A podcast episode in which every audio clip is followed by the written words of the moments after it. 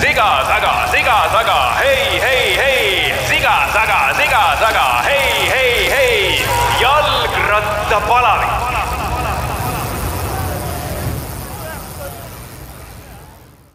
tere, head ähm, jalgrattapalaviku kuulajad, podcasti kolmas osa läheb eetrisse.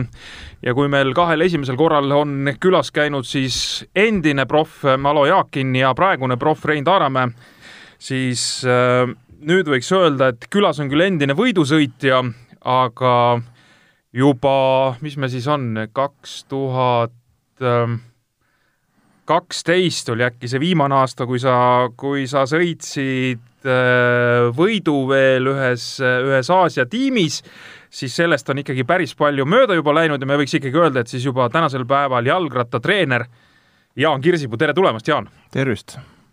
Et äh, on see määratlus siis õige, et oled sa tänasel päeval jalgrattatreener või tuleks su kohta öelda ikkagi pigem äh, kõlavama nimega spordidirektor?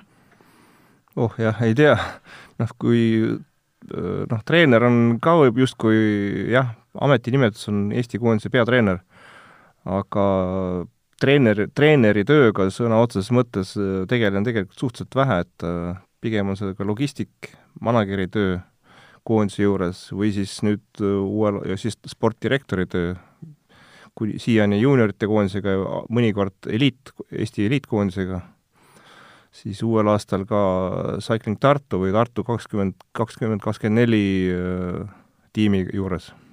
Äh, ütleme, kui nüüd, nüüd korraks minna sinna aastasse näiteks kaks tuhat kuus, kui sul oli selline viimane ikkagi väga tõsine profihooaeg, noh, põhimõtteliselt võib öelda, et sellise tippspordi sa ikkagi lõpetasid kaks tuhat kuus.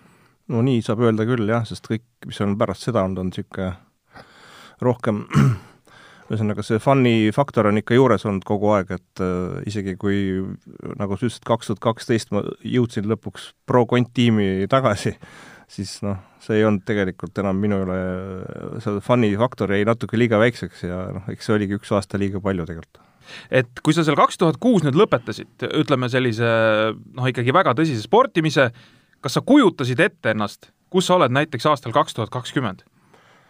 ei kujutanud, ma arvan, et äh, mul tol hetkel äh, selles plaanis nagu pikki plaane ei teinud, et tahtsin äh, lihtsalt stepsli välja tõmmata ja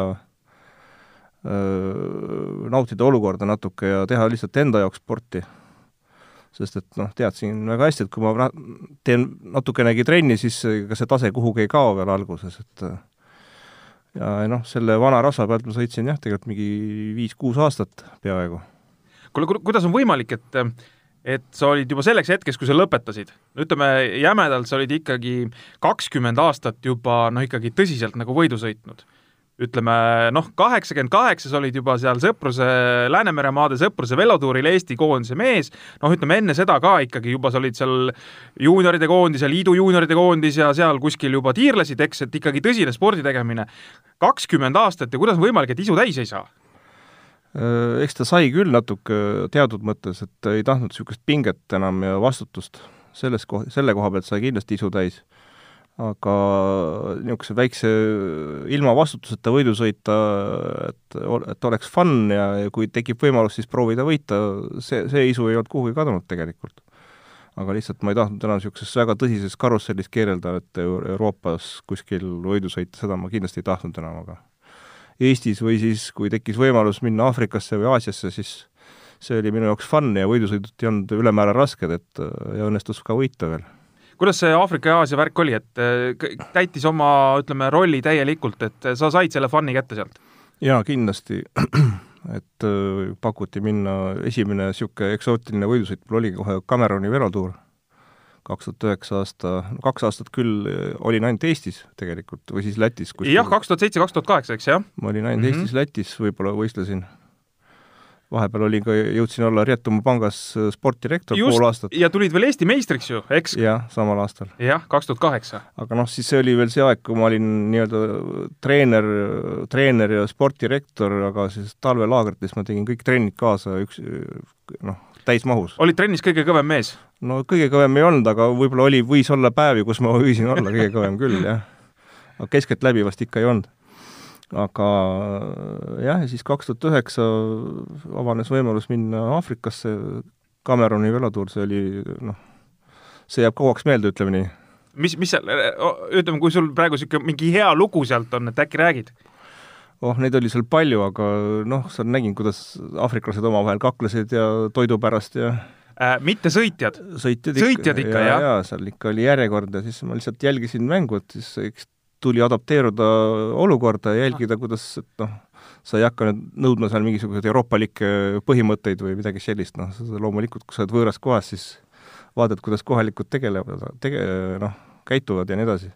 aga noh, eks seal nendes musta, Mustas Aafrikas on ka omavahel neid öö, tülijõunusid, ma sai selgeks, et nagu Angola, kes on niisugune nagu Portugal ehk natuke Brasiilia olemus, või siis Cote d'Ivoire, kes on niisugused väga karmid poisid nende vahel oli ikka päris suur kisma tegelikult, et ja noh, eri nagu erimeelsused nii-öelda. ütleme siis nagu eriklannid, võiks öelda jah, et eri erinevad arusaamad eri, asjadest, jah? just nimelt, jah mm -hmm.. okei okay., aga tulid läbi sealt ikka? ei, mina tulin läbi, ma olin kõrvaltvaataja kuigi okay. jah, toolid lendasid kõrval ja taheti isegi nuga anda seal üksteisele ah,. lausa nii või? oi-oi, kuule, see on päris põnevad velotuurid, et siin no muidugi ma, ma arvan, et eks, eks see läheb ka aina kultuursemaks seal, et no loodame, jah okei okay. no meil siin mehed käivad pra-, tänasel päeval ka, ütleme, Rwanda velotuuril näiteks, et siis peab äh, väikse sellise eelarvamusega peale minema ikkagi. noh, et Rwanda, nii palju kui ma Reinu jutust kuulsin, tundub olevat siiski vähe tsiviliseeritum riik, et äh, kuigi nad olid ka mitte väga ammu täiesti kodusõjas ja nii edasi, aga tundub selle jutu järgi palju tsiviliseeritum riik siiski olevat. ja Rahvusvaheline Jalgratturite Liit viib siis või tahab viia või viib, viib, kas ma ei mäleta, kas see juba otsustati ära, et kaks tuhat kakskümmend kuus on äkki mm on Aafrikas? ma ei tea, kas see on otsustatud, ma, ma ei usu, et praegusel hetkel nii kaugele on ära otsustatud lausa, aga aga mingid plaanid igal juhul, väga selged plaanid ja, on olemas? võimalik küll. et tuleb siis, tuleb siis mm, võib-olla isegi on parem, kui sinna MM-ile ei pääse ei tea, loodame, et meie mägironid on siis veel täies hoos nii, äh, me jõuame ka selle aasta tiitlivõistluste juurde, aga mitte hetkel äh, veel, sest äh, on tegelikult ju olümpiahooaeg tulemas ja, ja selles mõttes väga huvitav, et et see radagi on jälle, rada on jälle selline, et et sealt annab nagu üles ronida mõne, mõne koha pealt ja meil on mehed, kellele võiks need asjad nagu sobida, aga, aga kõigepealt veel, veel natukene sinu jõudmisest nii-öelda tänasesse päeva, et pärast, kui sa lõpetasid nüüd kaks tuhat kaksteist ka selle Fun'i ratta seljas et siis sa sattusid üheks hooajaks Astana spordidirektoriks. aga see periood jäi ainult ühe, ühe aasta pikkuseks, et äh, miks ei läinud pikemaks? see oli kaks aastat tegelikult. kaks aastat, ahah ja jah, et tegelikult Aleksandr Vinokurov tahtis, et ma sinna kaks tuhat kaksteist juba läheks, aga ta ütles seda natuke liiga hilja, pakkus mulle seda välja, ma olin juba oma lubadused andnud sinna Champion Systemi tiimi ja noh, eks ma sinna Champion Systemi tiimi läksin ka täielikult selle mõttega, et äh, okei okay,, ma sõidan veel aastakese ja siis saaks seda kuidagi äh, nii-öelda äh, barjääri teisel pool arendama hakata ehk sportdirektorina, sest see tundus mulle tol hetkel niisugune huvitav projekt ja potentsiaalikas seal olid siis äh, vedajateks hiinlased või eurooplased, kes tegid hiinlastega koostööd? ei, seal eurooplasi ei olnud üldse, sest seal oli, tol hetkel oli see no Champion System on justkui Hongkongis baseeruv niisugune äh, spordiriiete bränd nii-öelda, tehased on küll Hiinas aga noh, ütleme see Hiina asi tundus niisugune ahvatlev ja ta tegelikult võiks olla ka praegu, aga noh, millegipärast see tiim lõpuks äh, ei toiminud ja läks laiali. aga jah, siis aasta hiljem äh, võtsin Vinakurega ühendust, et, et nüüd ma olen huvitatud küll ja siis ta võttiski mind sinna. aga miks see jäi ainult kaks aastat, noh, sest et eks ma algusest peale ma ei plaaninud seal tegelikult olla väga kaua, sest et äh, Äh, kuidas öelda, et äh, üsna ruttu sai mulle selgeks ka, et äh, ma, ma ei, nagu ei sobi sinna tiimi nii hästi, et seal on nagu kaks klanni olid seal, Itaalia ja Kasahstan. et kasahhid olid küll nagu justkui vanad niisugused semud, kelle keelt ma mõistan, ma mõtlen vene keelt ja nii edasi. ja nende kultuuri mõistan ka, aga kuidagi ei, ei satu-, ei sobitunud ma kumbagi, nemad ei võtnud mind päris omaks ja itaallased noh, ammugi mitte, et itaallased arvasid, et ma olen nende mees ja nii kuidagi läks, et ma olingi seal kahe klanni vahepeal kuidagi ja, ja siis need ideed, mis ma seal välja pakkusin, seal ka keegi ei võtnud sellest vedu ja siis ma mõtlesin, et noh, et nagu hästi makstud autojuht on tore olla, aga noh, tegelikult tahaks midagi muud teha ikkagi. et äh, ja seal oli ka noh, ma usun nagu selles mõttes äh, sinu vaatenurgast mureks see, et tegelikult ju Astana tiim ei ole kunagi olnud sprinterite tiim isegi mitte see ei olnud mu põhiprobleem, aga ma, ma teadsin, neil on seal, oli just samal aastal või aasta ennem olid nad võtnud palju neid omi äh, andekaid noori. ja siis ma vaatasin, et äh, kui noh, julmalt neid kasutatakse lihtsalt kahurilihaks või niisuguseks tööloomadeks, kuigi poisid olid võitnud siin U kakskümmend kolm äh, maailmakarika etappe ja nii edasi. et justkui andekad kutid, aga kasutatakse noh, täiesti sihipäratult või ainult kahurilihaks põhimõtteliselt et siis ma üritasin, et äh, tuua nagu mingit niisugust äh, mõtlemist, et äh, leida nende jaoks niisuguseid vähe sobivaid võidusõite, kus nad saavad areneda ja ka võib-olla staarideks kasvada, aga see nagu ei läinud läbi ja ja nii ta jäi. no ega seal, kui nüüd noh, niimoodi kiirelt tagasi mõelda, ega, ega Astanas peale ühe mehe, ma pean silmas Kasahhi, ei olegi väga kedagi nii-öelda üritatud kusagile tippu viia jah, ega siis sel hetkel oli ainuke mees, keda, kelle eest hoolitseda, oli Aleksei Lutsenko ja okei okay,, ta on jõudnud päris kõvaks sa-, meheks on saanud, kuigi minu arust ta ei ole nagu teinud oma väärilisi tulemusi piisavalt. potentsiaali ikkagi vist ei ole päris ära realiseerinud, mis seal no, võiks olla? mulle tundub ka jah, et ta ei ole nagu sajaprotsendiliselt ennast realiseerinud. ma ei tea, kuhu nad tahavad teda arendada, kas nagu mitmepäevasõitjaks või, või ühe klassiku sõitjaks. eks tal on natuke potentsiaali mõlemas vallas aga jah, et ainult noorte, mis puutub noortesse, siis ainult ühe mehega tegeleti põhimõtteliselt, et teised olid nagu äh, tiimiliikmed või vedurid või veevedajad. mõnes mõttes kurb, et selles mõttes tead, olles kuulnud, kui palju sinna ikkagi nagu seda raha pannakse, et siis ju selle raha hulga pealt no ikkagi võiks omasid mehi ka ikkagi kasvatada, eks?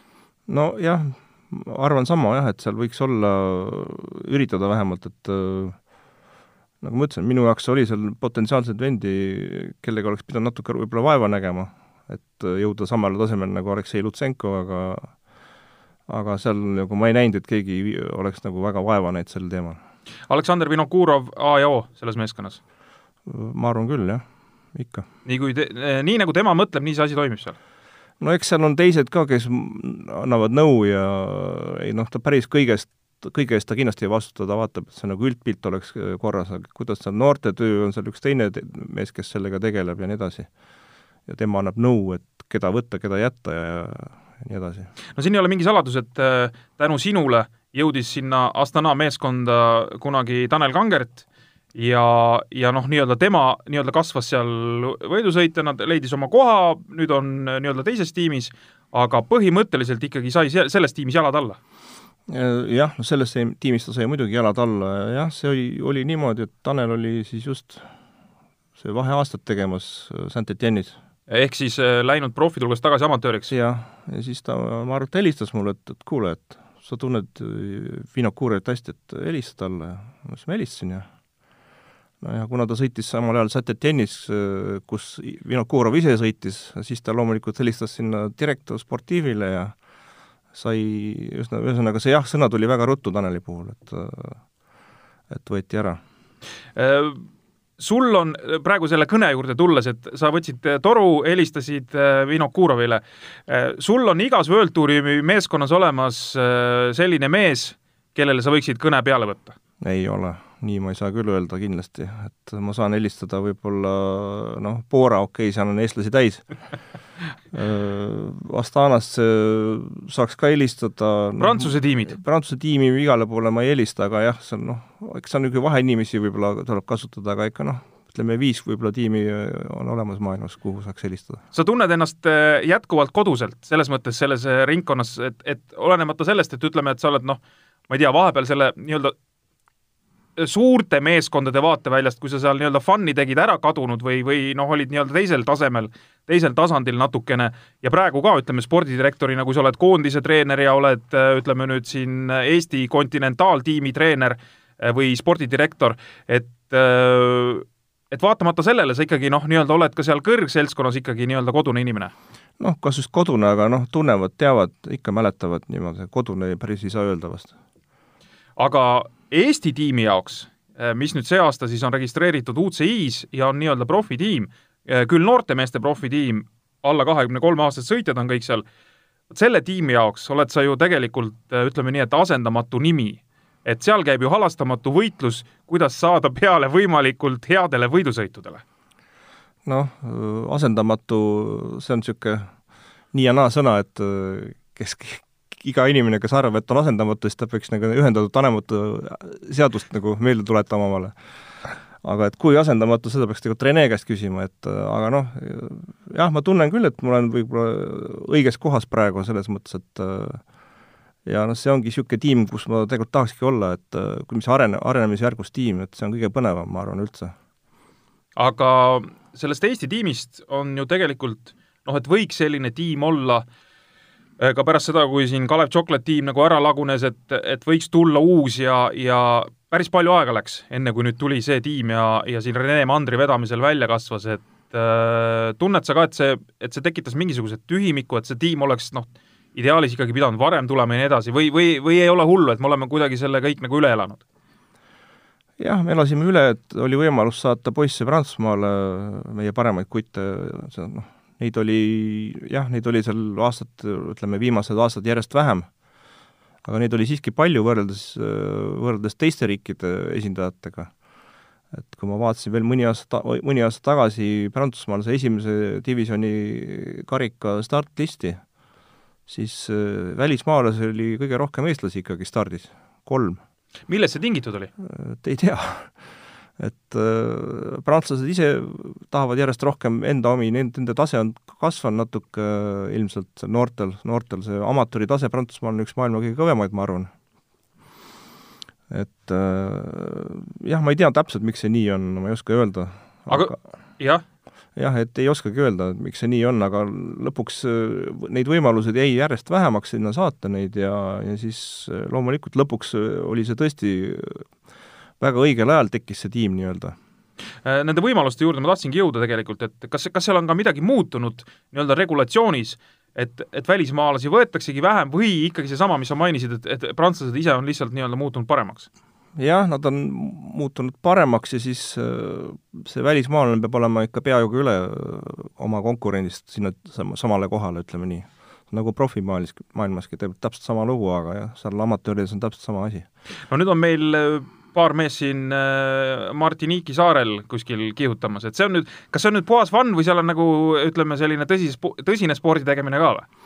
ei, ta ei ole puhas fun kindlasti, eks nad teevad ikka tõsiselt trenni, aga noh, loomulikult sinna on konkurents äh, väiksem ja, ja häid võidusõitjaid, kes suudavad seal, häid võidusõitjad, kes suudavad koha peal tulemust teha, neid sa, need klubid ikka tahavad. ja rattasport, nii imelik kui see ei ole, on seal Kariibi mere saartel ülipopulaarne. Et vaata, et parem, rohkem kui jalgpall isegi, et et jah, sinna neid välismaiseid äh, poisse, kes suudavad tulemust teha, neid oodatakse sinna ja Kariibi mere saartelt on meil tulnud selline mees kui Toomas Vauclair. Toomas Vauclair, ta on, ma ei tea, kas ta seal sündinud on, aga üles kasvanud on ta seal kindlasti ja kuigi ta ei ole sealt nagu etnilist päritolu, ta on nagu Alsace'i päritolu poiss, aga jah, seal on ta üles kasvanud on, on mõni mees veel, tead sa niimoodi peast kohe öelda, kes on selline jaa, neid on olnud seal Aha. just selles samas tiimis, praeguses Direct Energy's on neid poisse olnud päris mitmeid, et praegu mul oli Ronnie Martias oli üks kutt, aga seal on Johan Jen on, on kuskilt sealtkandist, neid Neid ikka on? jaa, neid on, jah. okei okay.. no meil on nüüd siin nii-öelda Euroopa Prantsusmaal Äh, kui, kui me nüüd Kariibi mere saari seal natukene võime siis ka noh, nii-öelda Prantsusmaaks pidada, eks, on ju, et siin Euroopa Prantsusmaal meil ka nüüd oma mees hakkab sõitma seal, Karl-Patrik Lauk hakkab nüüd, tema siis äh, ütleme, teeb nüüd seda sammu, mida siis oli sunnitud kunagi vigastuse tõttu tegema Tanel Kangert. jah, et äh, õnneks ta läks sinna tagasi, et ta oli seal väga pettunud möödunud hooaja lõpul, aga õnneks ta mattis oma ego maha natukene ja läks sinna, kuhu tal kõige sobivam oli minna, sest vana ja tuttav ja turvaline keskkond, et äh, ma arvan, et teeb natuke trenni võib-olla uutmoodi ja mõtleb asjad ümber ja ma arvan, et see potentsiaal temas pole kuhugi kadunud, et äh, lihtsalt vaja natuke ümber mõelda ja küll hakkab tulema, ma arvan, aga noh, peale tema veel sealsamas kõrval Saint-Etienne'is on ka kaks poissi, nii et Siim Kiskonen ja Joosep Sankman. Nii et neid mehi, mehi ikkagi natukene seal on? noh, kolm meest, mis on esimeses divisjonis Prantsusmaal, see on täitsa okei okay.? jaa, väga okei okay. mm. -hmm no aga meil on nüüd palju poisse nüüd ka selles, noori mehi selles U kakskümmend kolm tiimis Tartu kaks tuhat kakskümmend neli Baltic Chain Cycling punkt kom, et äh, mis nüüd selle tiimi, ütleme, selline esimese hooaja eesmärk võiks olla ja, ja mida, ja, ja mis sa näeksid, ütleme, selles nagu pikemas perspektiivis, et äh, kas, kas ta võikski jääda selliseks äh, alla kahekümne kolmeste meeskonnaks või ta peaks kuidagi kasvama, ideaalis? noh, see, et kui kasvada, siis see eeldaks oluliselt suuremat eelarvet juba. et hetkeseisuga ma arvan, et see on ebareaalne, et seda nagu suuremaks kasvatada. Äh, sportlikus mõt-, plaanis, mis võiks tulemusi, noh, ma arvan, et meie need Eesti vanemad poisid ehk noh, nii-öelda vanemad, Markus Pajur, Rait Järv, need võiks juba mingisugused tulemused ära teha, et võib-olla juba kuskil järgmiseks aastaks vähe paremasse tiimi saada ma arvan, et need mehed, need kaks võivad juba hakata et juba võiks ikkagi mõelda selle peale ka, et mõni mees võiks nagu välja lennata, ütleme, teil juba lendas noh, tegelikult juba ka sellest hooajast, eks, mis läbi sai, äh, mehi välja, aga et iga aasta ikkagi võiks keegi välja lennata? jah, et äh, loomulikult, et noh, need, need, need kaks Eesti poissi, ma arvan, need võiks juba proovida noh, selliseid tulemusi teha, et kuskile vähe paremale, paremasse tiimi pääseda samuti välismaa poisid seal, Soome poisid, need on juba, üks ongi juba viimane aasta U kakskümmend kolm, et noh, viimane aeg tegelikult tulemust teha ja noh, praegune laager näitas, et on ikka üks kõige tugevamaid tiimis hetkel. mis ei tähenda küll, et see nii jääb, aga aga need kaks Soome poissi on paljulubavad ja siis tegelikult need kolm Läti poissi kõik on ka paljulubavad, nii et see Soome poiss, kellest sa rääkisid, siis ma vaatan siin, mul on see ees, et äh, kas see on Peldonen või yeah.? ahah Uko Iisaki Peldonen, et mis taust nendel Soome poistel on, kaks Soome poissi on seal? no seda Uko tausta ma tean vähe, aga ma tean, et ta on nagu Soome eraldistardimeister ja noh, nägime laagris ka, et tempot ja, jaksab teha küll. teine poiss, Anti Jussi Juntunen on meil juba praktiliselt eestlane, ta õpib Otepääl Audentse lausa nii, jah ja. ja.? Eesti keel puhtalt suus ja noh, tema võimeid ma ka teame enam-vähem, et mida ta ja milleks ta umbes võimeline on, et ja tuligi teadlikult jalgrattaspordi pärast Soomest Eestisse? just. Pole varem olnud sellist asja? ei. väga kihvt. väga kihvt. mis see näitab siis, et meil on nagu asjad hästi? nojah, et Soomes ei ole see kindlasti nii organiseeritud ja meil on siin Otepääl on pädev treener, organiseeritud tegevus äh, ja võimalus võistelda ja laagrit, laagerdada koos meiega ja siis üldse noh, Eesti rattaspordi ko nagu kogemus ja ajalugu on ikka kordades suurem, kui on, mis on Soomes. Eh, kas, eh, ma siit kohe nüüd eh, lähen nii-öelda selle business plaani juurde, et kas on mõeldav selline variant ka, tuleb seesama välismaalane, tuleb äh, siis Audentese gümnaasiumisse Otepääle õppima äh, jalgrattaspordi pärast sealt edasi läheb nii-öelda sellesse tiimi, mis praegu on olemas, Tartu kaks tuhat kakskümmend neli näiteks, eks, nii nagu ka Juntuneniga on juhtunud, ja siis ta jõuab tasemele selles tiimis, kus äh, meil, ütleme, või sellel tiimil on mingi leping selle ratturiga ja kui ta läheb nüüd edasi näiteks Pro Conti või World Touri, et siis seesama meeskond, kes ta tegelikult on nii-öelda üles töötanud, saab mingi tasu ka sellest või see rattamaailmas ei toimi see hetkel veel ei toimi, kuigi jutud käivad, et mingisugune selline asi tahetakse juurutada, nagu on jalgpallis. loomulikult need summad saavad olema palju väiksemad, et see, ma arvan, et see ei saa olema väga määrava või kuidas öelda, see ei saa midagi väga määravaks, lihtsalt see on mingi väike toetus kasvatajaklubile. aga praegusel hetkel minu teada see asi veel ei toimi, aga ma olen kuulnud, et seda tahetakse juurutada. no siis ei ole hetkel muud võimalust, kui tuleb hakata selle soomlase agendiks no ma arvan, et see on üks teine soomlane, kes on juba ammu ette jõudnud meist.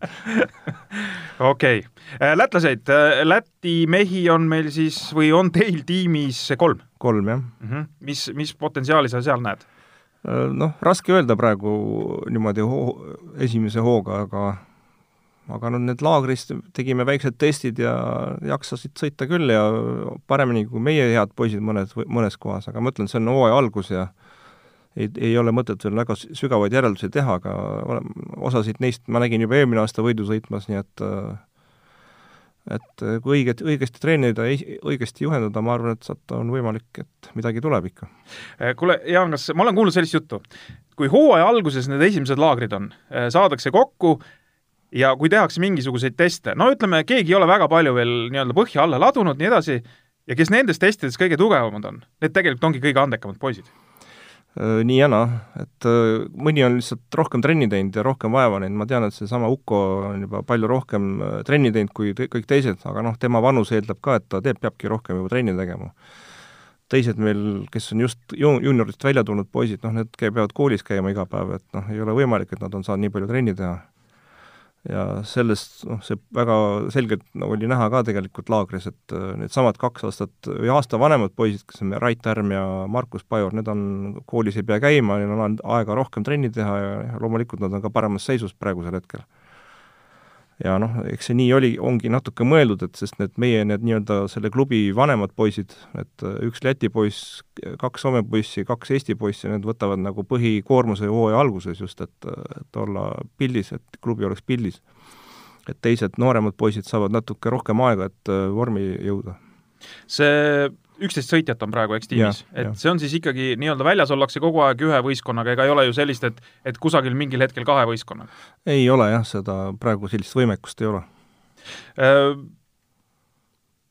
Äh, nii, mingi asi läks nüüd peast kaduma, ma tahtsin äh, sujuvalt siit kohe edasi minna, aa, nüüd tuli meelde äh,. Rait Härm, sa jõudsid jutuga sinna, Raitu me ei olnud siin varem maininud, tema medal Euroopa meistrivõistlustelt U kakskümmend kolm grupisõidus täielik pauk või ei olnud täielik pauk? no pigem ikka oli jah, sest et äh, noh, ilmselt oli teada, noh, mina ei, ei olnud nendega nii koos tol hetkel, aga Rene teadis, et ta on heas vormis tegelikult, oli just vahetult enne korralikud tulemused teinud Rootsis vist et äh, aga jah, sellises, sellises konkurentsis äh, tulla kolmandaks, äh, kus nagu põhimõtteliselt punt läks laiali suhteliselt jõuga, sinna oli alles jäänud mingi kolmkümmend või kolmkümmend viis meest ja tema oli seal noh, kahjuks küll ainult ainuke Eesti mees, aga püsis seal ära ja oli veel kolmas lõpuks, et see oli ikkagi pauk, jah.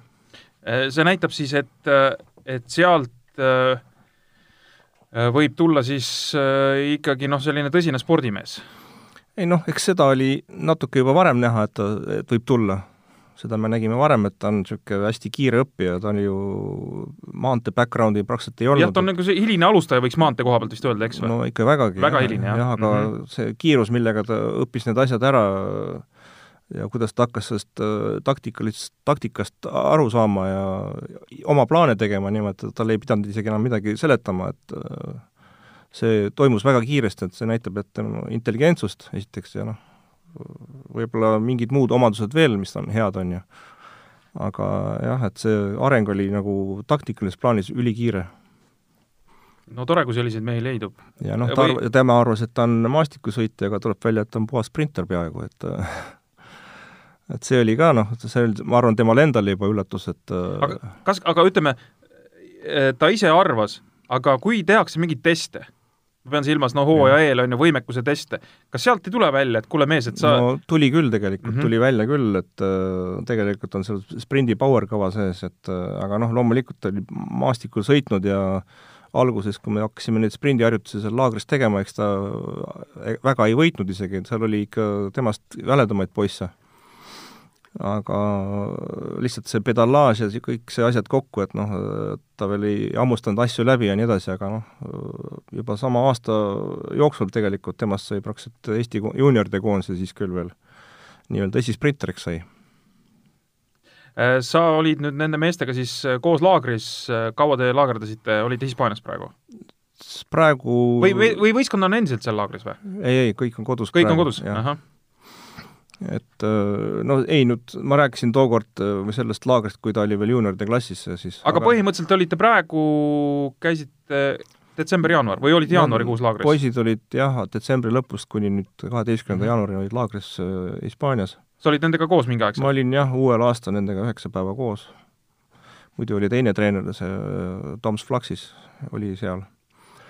ja nüüd olime veel nädalavahetusel trekil Panevežis kaks päeva sai väga niisugused intensiivsed treeningud läbi viidud ja et äh, valmistuda nii-öelda hooaja esi, esimeseks startideks äh,, kuna see on siis, ma ei teagi, kuskil veebruari lõpus Horvaatias. et äh, hooaja alguses niisugune graafik, äh, nii-öelda võistlusgraafik hakkab paika saama?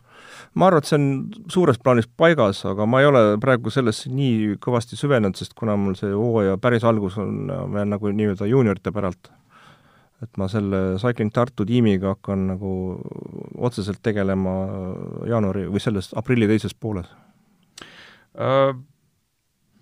Räägime ka natukene meie tänastest tippudest.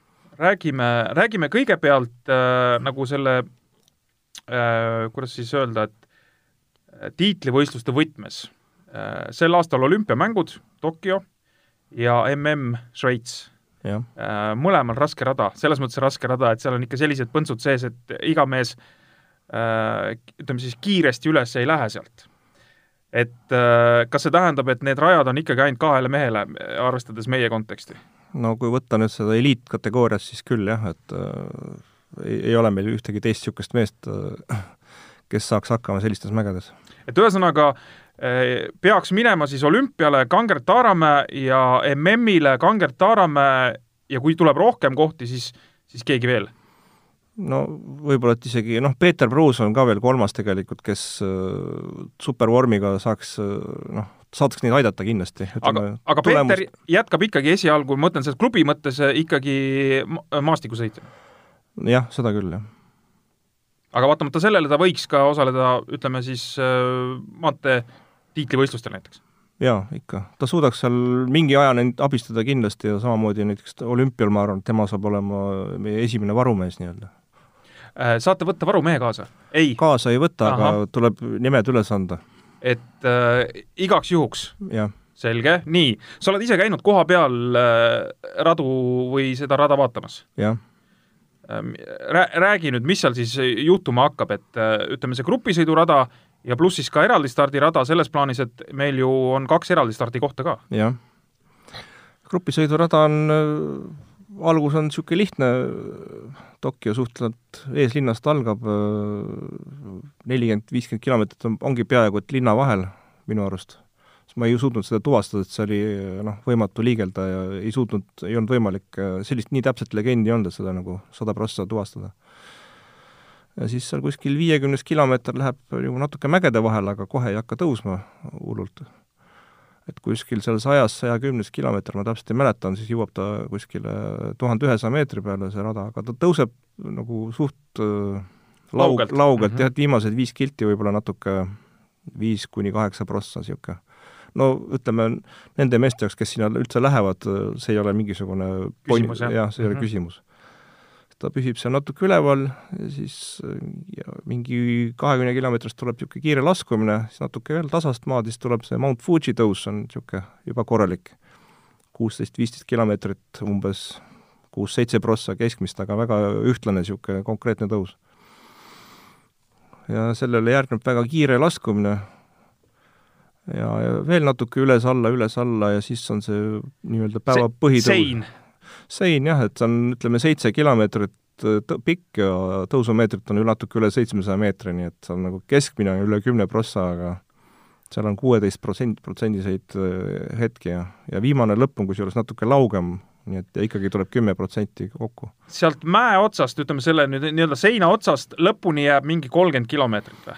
umbes jah, seal tuleb niisugune lühike äh, kurviline laskumine, siis on mingi kümme kilomeetrit tasast maad ja siis on äh, jälle üks niisugune kiire laskumine ja siis on võib-olla kümme kilomeetrit niisugust üles-alla ja siis on seal, ütleme, seda päris raja lõppu ma ei suutnud ära tuvastada jällegi, kunagi ma ei pääsenud sinna ka Fuji ringrajale sisse, mis oli suletud tol hetkel. ja, ja finiš on siis Fuji ringrajal, jah ja, mm? -hmm. et, et kas ütleme, lihtsalt ma nüüd küsin, et kas ütleme, need mehed, kes on seal äh, selle viimase tõusu öö, otsas kõige esimesed ja mingi vahega esimesed, kas need vahed on võimalik kinni sõita selle järelejäänud maaga või tegelikult on niimoodi, et kes seal ees, need, need jäävadki ette? no oleneb, kui suured on vahed ja, ja, ja palju neid mehi seal ees on, et äh, see oleneb nagu täitsa taktikalisest olukorrast ka.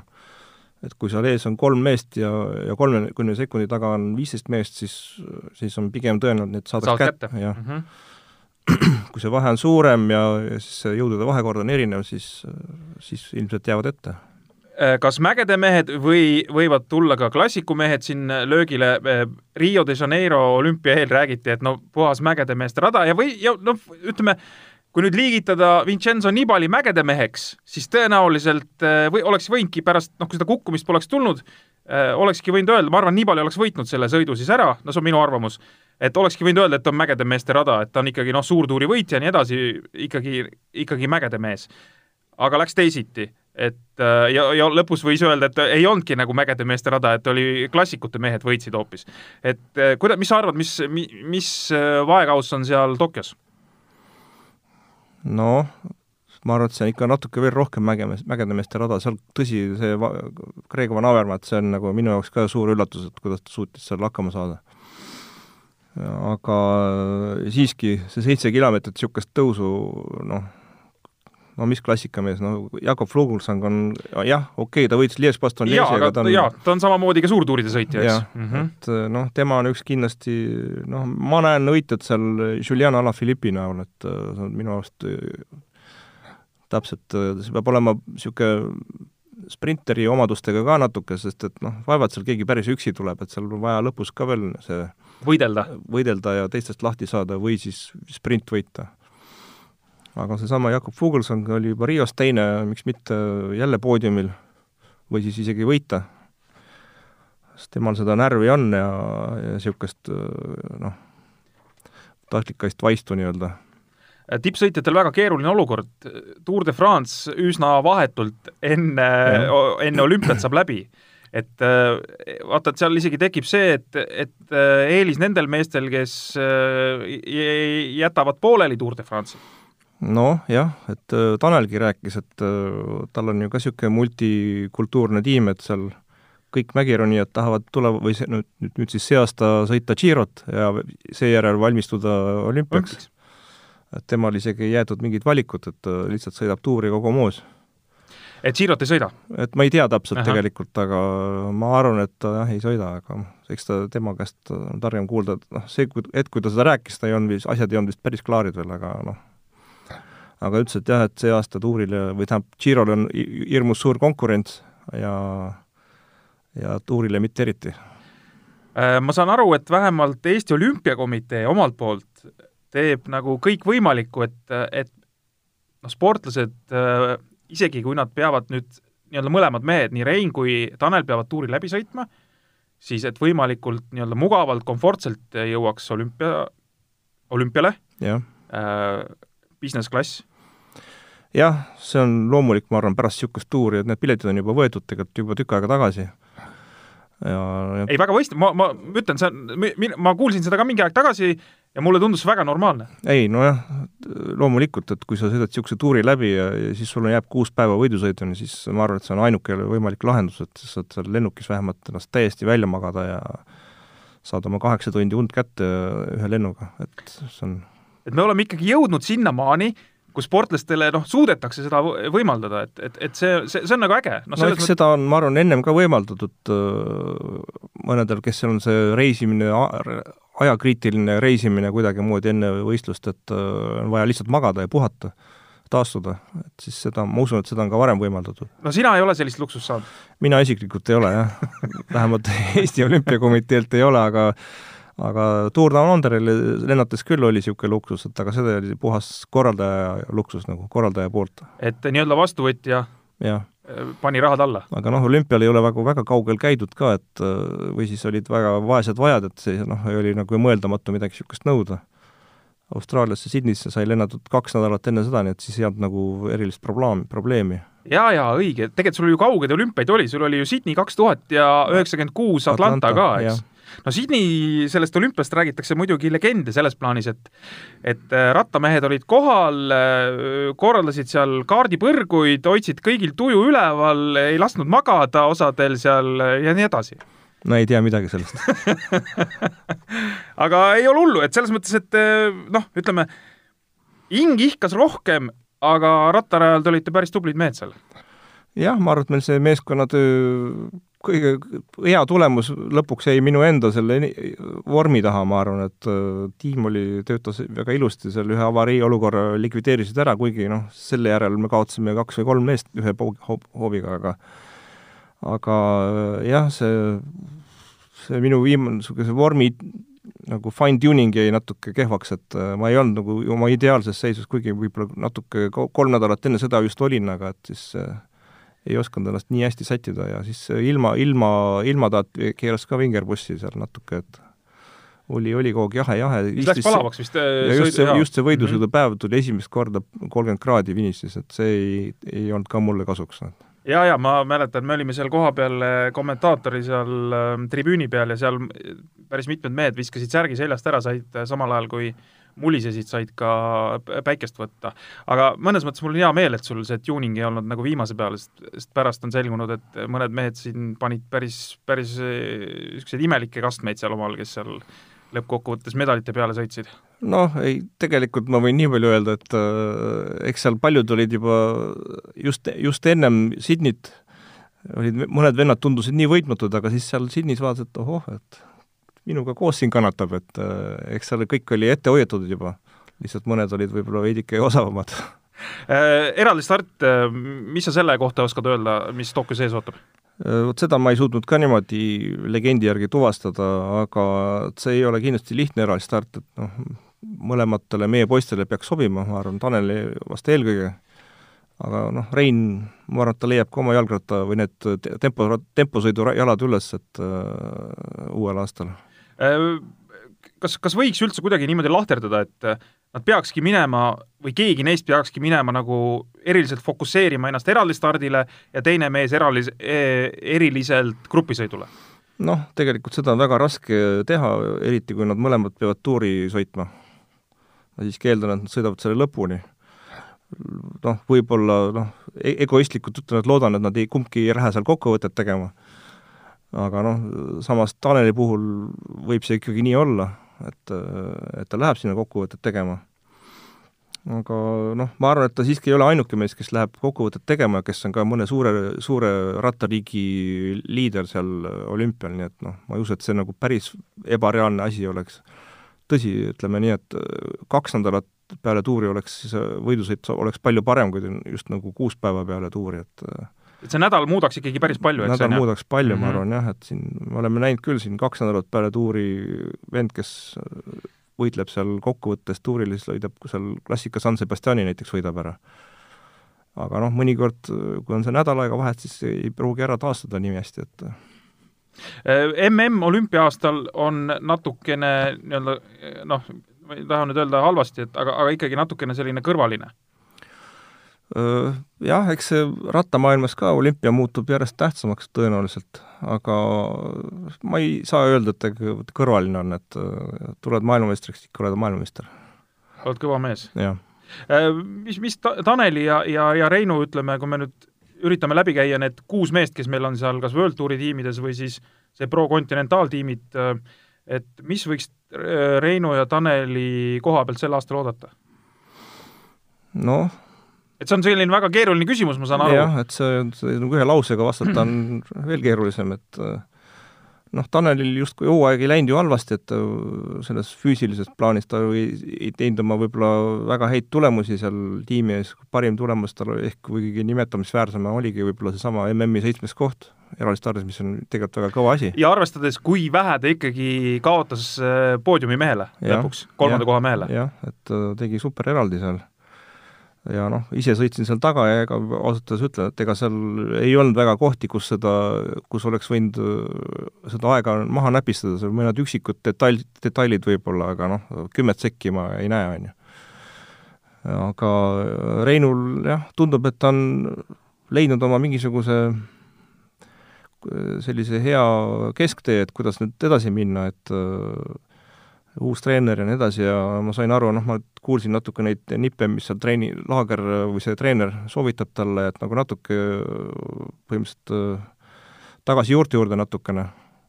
ja ma arvan, et see on just väga hea, et ta on nagu natuke liiga ennast diisliks äh, ajanud, et vaja seda teravust leida. ja see on, see teravus on see, mille lõpuks, millega sa võidad võidusõite, et ega see niisugune väga võimas turbodiisel, aga sa võid kesta küll, eks, aga noh, lõppkokkuvõttes mõni teine mees kestab ka ja siis on vaja ikkagi. just, et vaja. noh, ma arvan, et see on õige lahenduse leidnud, et äh, loodame, et see annab ka, kannab ka vilja. Taneli puhul ei oskagi nagu midagi soovitada, ta on justkui kõik enam-vähem õigesti teinud, lihtsalt võiks äh, mõelda, kuidas võidusõite võita, et äh, seda tahaks näha, et ta noh, tal potentsiaali kindlasti on, et võita, lihtsalt äh, äh, ma ei tea, kas ta mõtleb üle natuke või siis ta, või ta on rahul sellega, mida ta teeb, et ühesõnaga ma ei oska öelda. tahaks näha mõlemaid võidu võitma, võidusõite võitmas. Eh, mõlemad mehed saavad eh, nüüd kevadel kolmkümmend kolm. jah, see on vanus ju tegelikult, kus ei ole veel noh, nii-öelda limiiti ees selles plaanis, et äh, minu, jälle minu, minu enda arvamus, et ma arvan, et mingi vanuseni, noh, ma ei tea, kolmkümmend viis näiteks äh,, ei saa öelda, et nüüd midagi on juba ära kadunud, et nüüd äh, on ta jäänud nõrgemaks kui ta paremad päevad.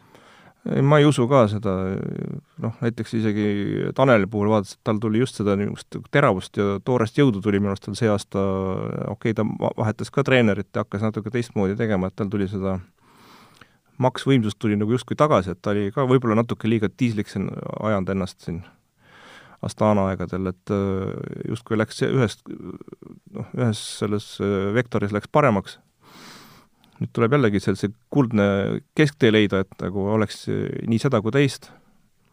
ja nii, nagu sa lõpp, lõppude lõpuks ta on ikkagi noh, mitte puhas mägironija päris, aga ikkagi üks nagu maailma top kahekümnes ikkagi, ütleme, mägironijatest, et ja temposõitjatest võib öelda, et noh, ma-, maailma top kümme. No absoluutselt, MM, võtame MM-i tulemused ette, eks. jah, just.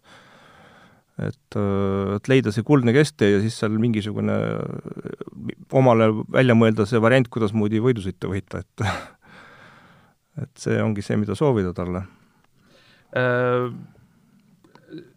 Rein Taaramaa on rääkinud, et kui ta saaks selle ühe etapi võidu Tour de France'il, sa äh, kas sa, ütleme nüüd kas või enda kogemusele tuginedes või nii edasi, kui sa noh, kuigi sa oled noh, teist tüüpi võidusõit absoluutselt olnud ja nii edasi nii edasi, aga see on endiselt võimalik? muidugi on, et noh, ma kuulasin ka tema juttu siin, see, mis eelmine nädal oli, et äh, täiesti nõus sellega, et see on nagu, mis need erinevad eesmärgid, mis tal seal olid või et äh, see tuuri etapi võit on kõige reaalsem. Et äh, peab olema õnne ja noh, loomulikult head vormi ja jalga, et sattuda õigesse äraminekusse ja, ja ongi, et kui sa oled siis lõputõusul kõige kõvem, siis on kõik korras, võib-olla peab isegi sprintima, noh, kes seda teab. aga see võimalus on täiesti olemas. mulle, mulle iseenesest väga meeldib, et et tal ei ole see tuhh nii-öelda selles mõttes ära kadunud, et kuigi, kuigi tuleb tunnistada, et ega neid tagasilööke on olnud päris palju. osad võib-olla ka enda lollusest. jah, tal on neid olnud, aga samas ta on ju, eks talle on öeldud ja eks ta on ise ka aru saanud, et tal tegelikult noh, kuskohast ta, kuskohast oli tema tase, et ta on ikka neid noh, ta ei ole selles mõttes käega kunagi löönud, et ta on kogu aeg otsinud põhjusi, miks on niimoodi, et ta enam ei ole nii kõva, nagu ta oli siin profi esimesed aastad ja, ja eks ta on otsinud seda ja ta noh, ta ei ole käega selles, ma ar-, ma arvan, just sellepärast ta olegi löönud, et äh, ei ole võimalik, et noh, kõik see kaob ära, noh, järelikult peab olema selles mingi põhjus, et mingi probleem.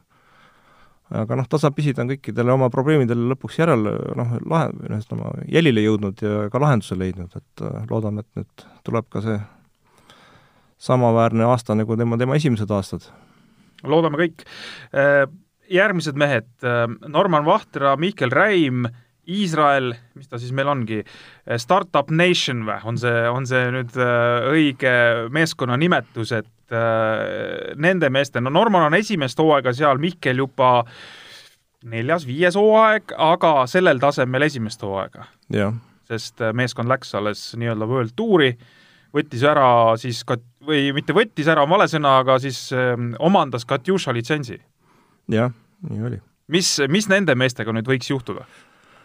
noh, Mihkel on ju meil näidanud seda niisugust stabiilset taset juba kaks-kolm aastat, et noh, kolm juba ikka kindlasti, et et ta võtab oma need tulemused ära, võib-olla mitte alati seal, kui tiim ootab, et ta pigem on ta oma tule, tule, tulemustega üllatanud, kui ja mõnikord kui ootad temast midagi, siis jälle nagu ei tule, et noh, et ta võiks nagu selle iseenda niisuguse sisemise stabiilsuse leida, et nagu oma püstitatud eesmärke ka nagu realiseerida, et praegu tal nagu tuleb tulemusi tavaliselt siis, kui keegi ei oota. et see on nagu Mihklil praegu see minu arust veel väike probleem, et kuigi tase on tal kõik olemas, et ja noh, sprinterina on ka päris hea, okei okay,, nüüd on tal tiimis seal päris palju konkurente, et mis on tema mure, ma olen kuulnud, et noh, et ei ole, ta ei ole enam kindlasti päris number üks sprinter tiimis, aga noh, Mihkel on niisugune teistpidi jälle väga intelligentne võidusõitja, et ega ta paljusid võidusõite või enamusi ta tegelikult ei võidagi sprindis, et ta võidab pigem kuidagi teistmoodi et ta oskab neid, äh, seda situatsiooni, erinevaid situatsioone hästi lugeda ja, ja õigeid valikuid teha seal lõpumeetritel nii-öelda või lipukilomeetritel. mis puutub Normanisse, siis ma arvan, et noh, temal isegi selles mõttes on muretu, et tema ei pea praegu neid tulemusi tegema, tema peab seal just seda sprinterit lahti vedama. kas on nüüd paika loksunud ka, oled sa kuulnud, oled sa kursis äh, Normani võimalik roll no eks ta ikka see lahtivedaja, viimane lahtivedaja tõenäoliselt saab olema veel viimane. Kraiperil siis või? ei no seal ma kuulsin, et seal kombin-, prooviti erinevaid kombinatsioone, aga ta pigem ei oli, oli seal koos selle äh, Rudi Molardi ja mitte Rudi Molard äh,. Seal mingid itaallased ka või? ma ajasin praegu segamini, üks prantsuse poiss ja siis Aha. äh, see äh, ja teine prantsuse poiss, Hugo Hofstetter. et nendega rongis nii-öelda. Äh, ja Rudi Barbier vast. just, Barbier käis ju siin Tallinnas ka, õige, jaa, jaa, täpselt, jaa.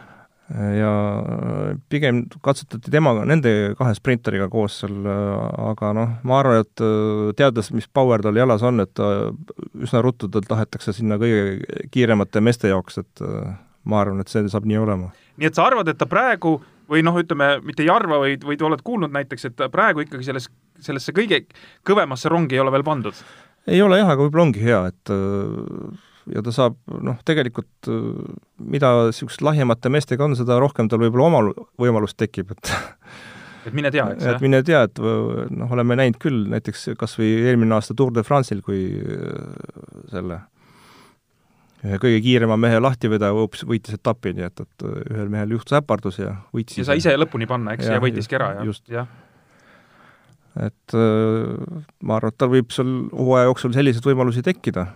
Ja muidugi on hea, et nad nüüd see on äh, märtsis vist äh, Hainani tuuril sõidavad mõlemad koos, Mihkel ja Normand, siis see on see on niisugune hea, niisugused selles mõttes, et suhteliselt vähetehnilised finišid, mis Normanile justkui sobib, võib-olla Mihkelile nii, mitte nii palju, aga noh, teades seda Normani jõudu, mis seal sees on, et ma arvan, et ta võib seal päris head tööd Mihkli jaoks teha no siin on kohe, niikuinii need mehed said, ütleme, lisaks ka Martin Laas said nii-öelda World Touri tasemele, hakati kohe spekuleerima, et oi, et kohe, ma ei tea, viis eestlast võib sattuda Tour de France'i sõitma. reaalne olukord on muidugi selline, et äh, kui nüüd sellest nii-öelda uuest kolmikust, kes seda World Touri nüüd maitsta saavad, selles mõttes nagu klubi mõttes ka Mihkel saab esimest korda, eks, Mihkel, Norman ja Martin, siis no ma ausalt öelda ise küll ei usu, et neist keegi isegi pääseks sõitma äh, suurtuuri või siis Mihkel pääseb no Mihkel, ma arvan, sest tema on juba mitu aastat siiski päris heal tasemel aga sõitnud. pigem mitte isegi tuuri? no tuuri ma ei usu, ma arvan, et äh, võib-olla Vueltot äkki pannakse sõitma. Laasi puhul mine tea, võib-olla ka Vueltot. no võib-olla ka aasta lõpus just, et võib-olla, või kui ta on midagi see, näidanud see oleneb sellest mm -hmm. jah, kuidas tal aasta läheb, et äh, noh ma ei välistaks võib-olla Vueltot, aga samas ma ütleks, et võib-olla tal ei olegi seda vaja veel see aasta. et tuuril ikkagi üle kahe mehe tegelikult reaalselt praegu ikkagi ei näe? seal sõltub sellest, et äh, jällegi, et äh, äkki mingi selle tippsprinteriga midagi juhtub näiteks. ja noh, neil ei ole plaanis, neil on mõeldud ühesõnaga mingisugune plaan, et kuidas selle tuurile minna, seal on mingi teatud hulk kokku, kokkuvõttemehi ja mingisugune sprindirong ja kui seal tippsprinteril midagi juhtub, seega nad ei suuda selle nagu viimase kuu ajaga isegi nii ümber mõelda seda tuuri, et nüüd lähme ainult kokkuvõtet sõitma, ma arvan, et siis, siis on see üks võimalus võib-olla näiteks. no, no Bora on kindlasti, Sagan on tuuril? Vot ma ei teagi. või ma... läheb olümpiale? ta läheb, ta läheb Girole ei, ma mõtlengi, et ja siis hakkab valmistuma olümpiaks. jah, et äh, võib-olla ta läheb tuurile, aga ma arvan, et ta ei ole tuuril enam see number üks sprinter või, või olümpia ei ole ka tema oma, selles mõttes vaata, et noh, jälle sa kirjeldasid seda rada pärast, muidugi oma raamatus no ma ei usu, et ta seal olümpial, aga noh, ta on, kuna ta on Slovakkia number üks mees, siis tal ei ole võimalust sinna mitte minna, nii et noh, ta peab sinna minema, ma arvan. lihtsalt äh, ma ei usu, et ta seal olümpial tulemust teeb just, ega, ega ta, ütleme siin, kui ta selle oma raamatu välja andis, siis seal oli ka, et et keegi ei uskunud jah, nagu sa isegi mainisid, et äh, Van Avermaet seal nii-öelda kõige kõvemaks meheks osutub ja ja, ja kui juba tema seal jõudis, siis äh, Sagani-sugune mees hakkas ka mõtlema, et huvitav, miks ma ei sõitnud. nojah, aga nii on jah okei okay., aga, aga Poola juurde jõudes, et Martin Laas siis, sisseelamisaasta? jah, aga eks ta peab midagi juba tegema ka, ma arvan, et võiks teha, sest tal on tegelikult need jalad, kiired jalad täiesti olemas, et äh, natuke sisse elada selles mõttes, et harjuda nende võistlusdistantside ja tempode ja asjadega, et äh, kui selle lõpuks ära harjub ja saavutab oma tippvormi, siis miks mitte võita mingi asi. no Martini kõige nõrgem külg on, on seni olnud ütleme, ma ei tea, kas on nüüd päris, päris õige paralleeli tuua, aga nagu sinul kunagi et mingisugused niisugused suuremad künkad äh, jäid nagu, jäid nagu nii-öelda noh, liiga raskeks või et ta ei saa nendest üle äh,. Si-, sinul see nagu muutus nagu karjääri jooksul, sa said vanemaks, noh, see võimekus nagu tõusis. ja, ja lõpuks, kui ma Tour de France'il nägin mingisuguseid etappe, kus kus tuli seal finišis juba noh, ma ei tea, praktiliselt kildine põnts oli ja sa olid seal päris ees siis need arusaamad nagu sellest mägede ületamisest ja asjast nagu, nagu minu jaoks näiteks muutusid, et et see, see, see mägi ei ole see, et ma sõidan siit Nõmme tõusust üles, et et, et nad ei saa sellest üle. Mm.. see ei ole see, eks, see, see, need, need mäed on natuke teine asi jah, no noh, ma ütleks, et Laas on siiski juba praegu, läheb enam-vähem igasugustest mägedest paremini üles kui mina ealeski, ütleme, kui rääkida, kui ütleme kaks kilomeetrit või rohkem, siis seal kindlasti kohe võib-olla lühematest praegu veel mitte aga noh, ta on siiski kergema kondiga ja natuke tippvormi kaal on väiksem, kui mul oli. aga samas on kiirem, ma arvan, juba, juba sprindis juba kiirem? ma arvan küll, jah. lihtsalt puhas kiirus, ma mõtlen, niisugune. Aga noh, et see, et see kiirus säilitada peale kahtsadat kilti on hoopis teine teema. ja tegelikult seal oma maksimumvatte peale kahtsadat kilomeetrit mitte ükski sprinter ei näita, see on selge, et lihtsalt kes, kuidas seda võidusõitu ära seedib ja kas sa, kas sa, see oli nüüd väga huvitav detail, kas sa oma äh, numbrites tead, et ütleme, sul oli ka mingi nii-öelda nullist, kui sa tegid äh, koormustesti, oli mingi makskiirus, sprindikiirus äh,, maksvatid ja, ja pärast kahtesada, palju sa olid suuteline, seal mitu ei, protsenti sellest ei tea no, niimoodi? mina ei sõitnud äh, tipptasemel kunagi selle noh, selle powermeetriga, mida nüüd on igalühel, noh. et seda varianti ma ei oska öelda, et palju siis oli ja palju noh, praegu tean mingisuguseid laboriteste, aga mis ei ole, ei pruugi ka olla adekvaatsed äh, tänapäeva mõistes, nii et äh, noh, võimatu on, ei ole mõtet spekuleerida, ma umbes kujutan ette, mis mul võis olla nagu see peak power nii-öelda. Aga noh, ma arvan, et see oli võib-olla sama, mis Laasil, aga ma arvan kindlasti vähem kui Normanil. okei okay nii et äh, numbrite järgi on meil, on meil väga võimekad mehed seal äh, profikarussellis ja, ja võtame Aksel Nõmmele ka, kuna kuna tema siis sõidab teist hooaega pro-kontinentaaltasemel, et äh, ma ei teagi, see UCI nüüd on muutnud ka neid äh, divisjonide nime, Pro Tour on ta nüüd või, või ühesõnaga jah, et nii-öelda teises, teises divisjonis, mille tiimid võivad siis ka kutsete alusel pääseda suurtuuridele peale, kuigi vist äh, Aksli tiim nüüd selline ei ole, keda kusagile on peale võetud. Jah, ma arvan, et ei võeta ka, et ta ei ole päris äh, sellisel tasemel tiim siiski, kuigi jah, ta on seal äh, pro-continental levelis, mis on iseenesest hea, et äh, ta saab siiski igale poole Belgias temale sobivatel võistlustel just tema tiim pääseb peale. et see kalender ja, ja, ja, ja tema selline ütleme siis võimalus seal läbi lüüa, et, et iseenesest ta on õige koha peal, on ju jaa, selles mõttes on ta kindlasti õige koha peal, et ta saab, sõidab ju täpselt neid sõite, mis talle sobivad. ole mees ja tee tulemust ainult. Kuidas sa, kuidas sa, ütleme, jäid selle esimese hooaega rahule, kui ta seal oli ja, ja mida sa näed, et mis, mis nüüd siis on vaja juurde panna või mis, mis, mis seal, ütleme, mille kallal siis kõige rohkem on vaja tööd teha või, või kuhu liikuda? noh, ei oskagi öelda Aksli puhul, eks ma muidugi jälgin teda, noh, eelmine aasta, noh, kaks tuhat kaheksateist, siis oli ka tal võib-olla isegi veel parem hooaeg teatud mõttes. et ta tegi seal mõne võib-olla veel kõvema sõidu kui, kui see aasta. kui eelmine aasta ja., jah, et no ilmselt tal see tase, eks ta ise võib-olla kõige pädevam rääkima, sest et nemad, nende sõidud jälle noh, ei ole nii kajastatud võib-olla, kus, kus tema sõidab, kus noh, kus siin mõned teised võib-olla. aga jah, et tema puhul nagu raske öelda, kust ta peaks nagu juurde panema, et äh, ta ei ole ju võib-olla sama, päris sama füüsiliste võimetega kui Mihkel Räim või, või Laas, et ta, ta on pigem niisugune läbi taktikaliste käikude suudab neid tulemusi teha ja ta on taktikaliselt jube hea ja rattas nagu grupi nagu platsi nägemine on nagu ulmeliselt hea, et ta on kogu aeg õiges, õigel ajal õiges kohas, et see on tema nagu kõige suurem trump tegelikult. Et see on nagu üks äh, suur pluss tal ja tänu sellele teeb nagu oma tulemusi suures, suures plaanis Äh, kuus meest äh, on nii-öelda selles eliitkategoorias, ütleme noh, no ikkagi ma nimetaks niimoodi, et äh, päris palju. Pole paha, ütleks jah.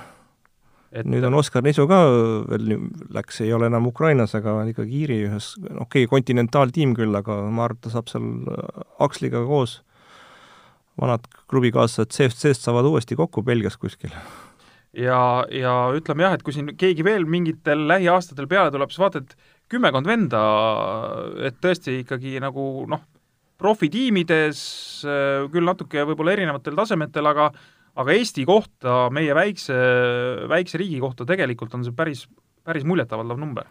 jah, kui võtta nüüd neid võidusõitjate arvu, siis küll jah, lihtsalt nüüd võiks keegi nagu reaalselt tulemusi ka tegema hakata või, või noh, siis oleks nagu veel ägedam, et samas me oleme rahvuste seal selles rahvuste karika mingisuguses mitte rahvuste karikas, aga selles UTSi rahvuste Aa, rankingus oleme natuke liiga kaugel ikkagi, sest mm -hmm. me oleme olnud äh, kümne peal seal kuskil. jaa, on olnud ajad, aga ütleme siis natukene, et seal, eks need, vaata need punktisüsteemid ja asjad on ka kogu aeg muutunud, eks? nojah, ikkagi. aga ikkagi jah, me oleme olnud seal, kus meil ütleme niimoodi, et äh, meid on Siini olümpial viis kohta, MM-il kuus kohta, meil pole mehi nii palju peale panna. jah et meil on MM-i, MM-idel on meid enne Austraaliat äh, starti kutsutud. just, just, et meil on olnud hetki, kus meil ei ole reaalselt mehi panna, et meil ja. on kohti nii palju. jah.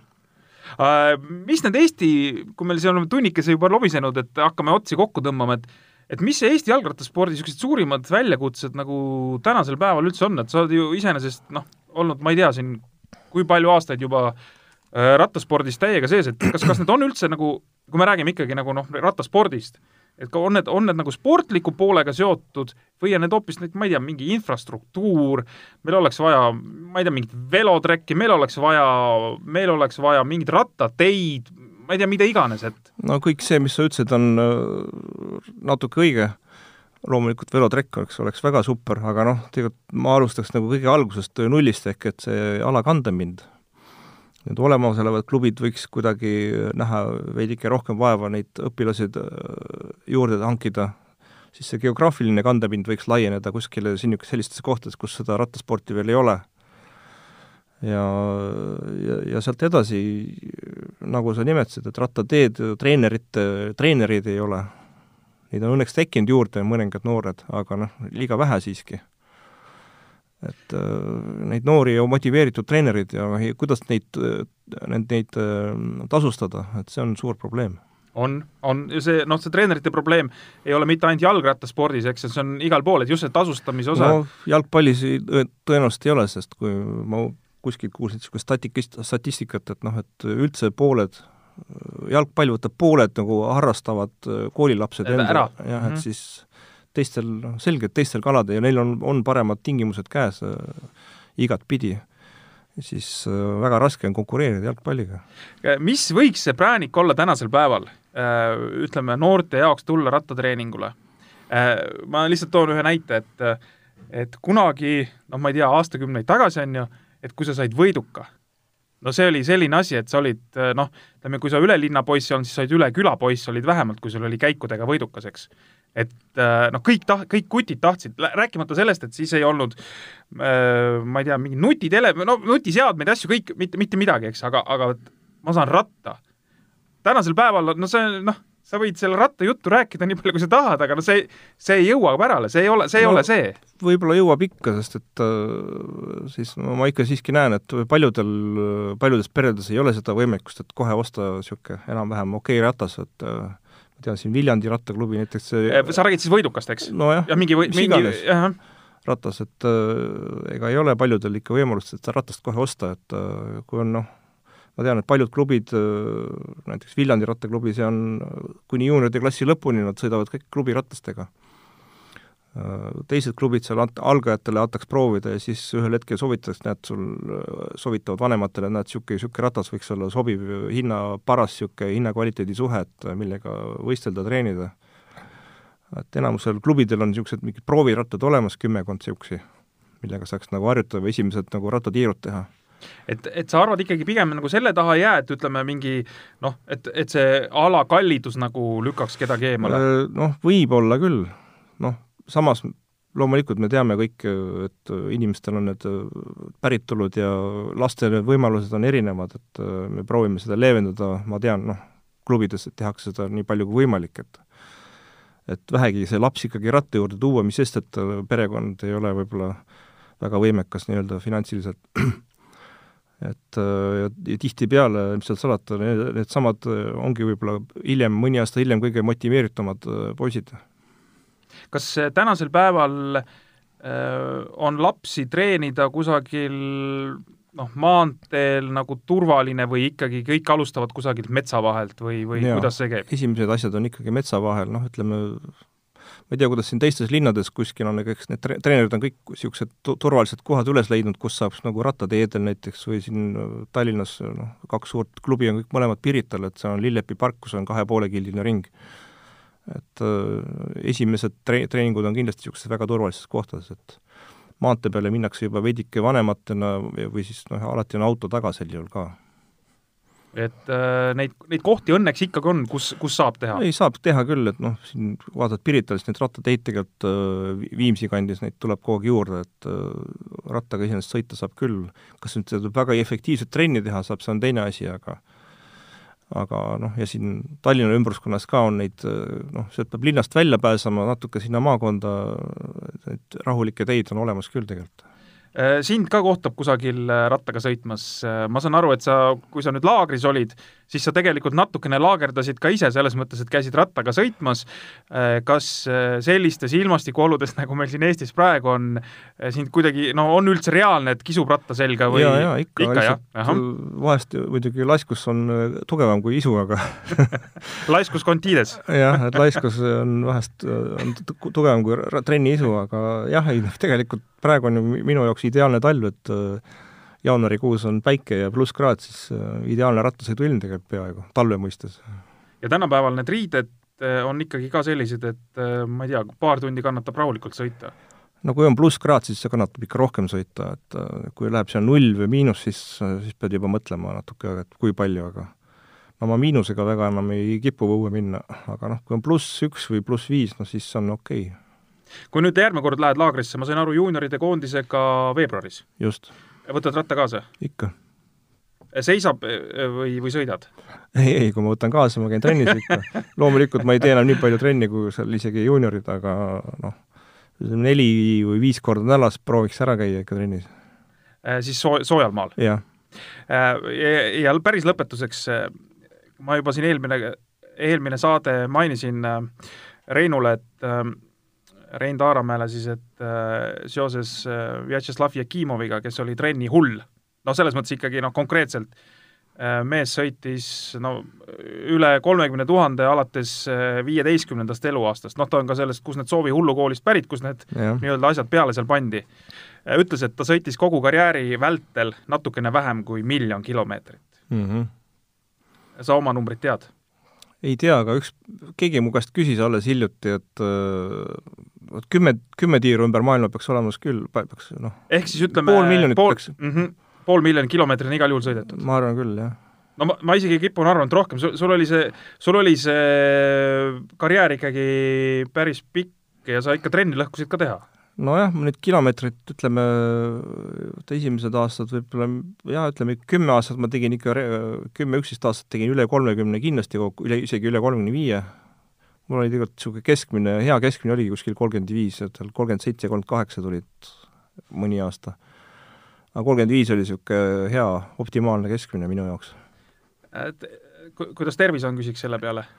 Ei, tervisel vähemalt selle koha pealt ei ole küll midagi valesti. põlved, mul need liigesed on õnneks äh, head ja tugevad, et äh, võin isegi joosta ja palli mängida ja nii, nii edasi. et äh, jah, ei, jah, paned oma kilometraažid siin autodega sõitmised ja värgid ja siis mõtled, et mehed sõidavad kolmkümmend viis ja kolmkümmend seitse ja nii edasi, et siis äh, autogagi keeruline sõita. autoga ma nii palju kindlasti sõitnud ei ole.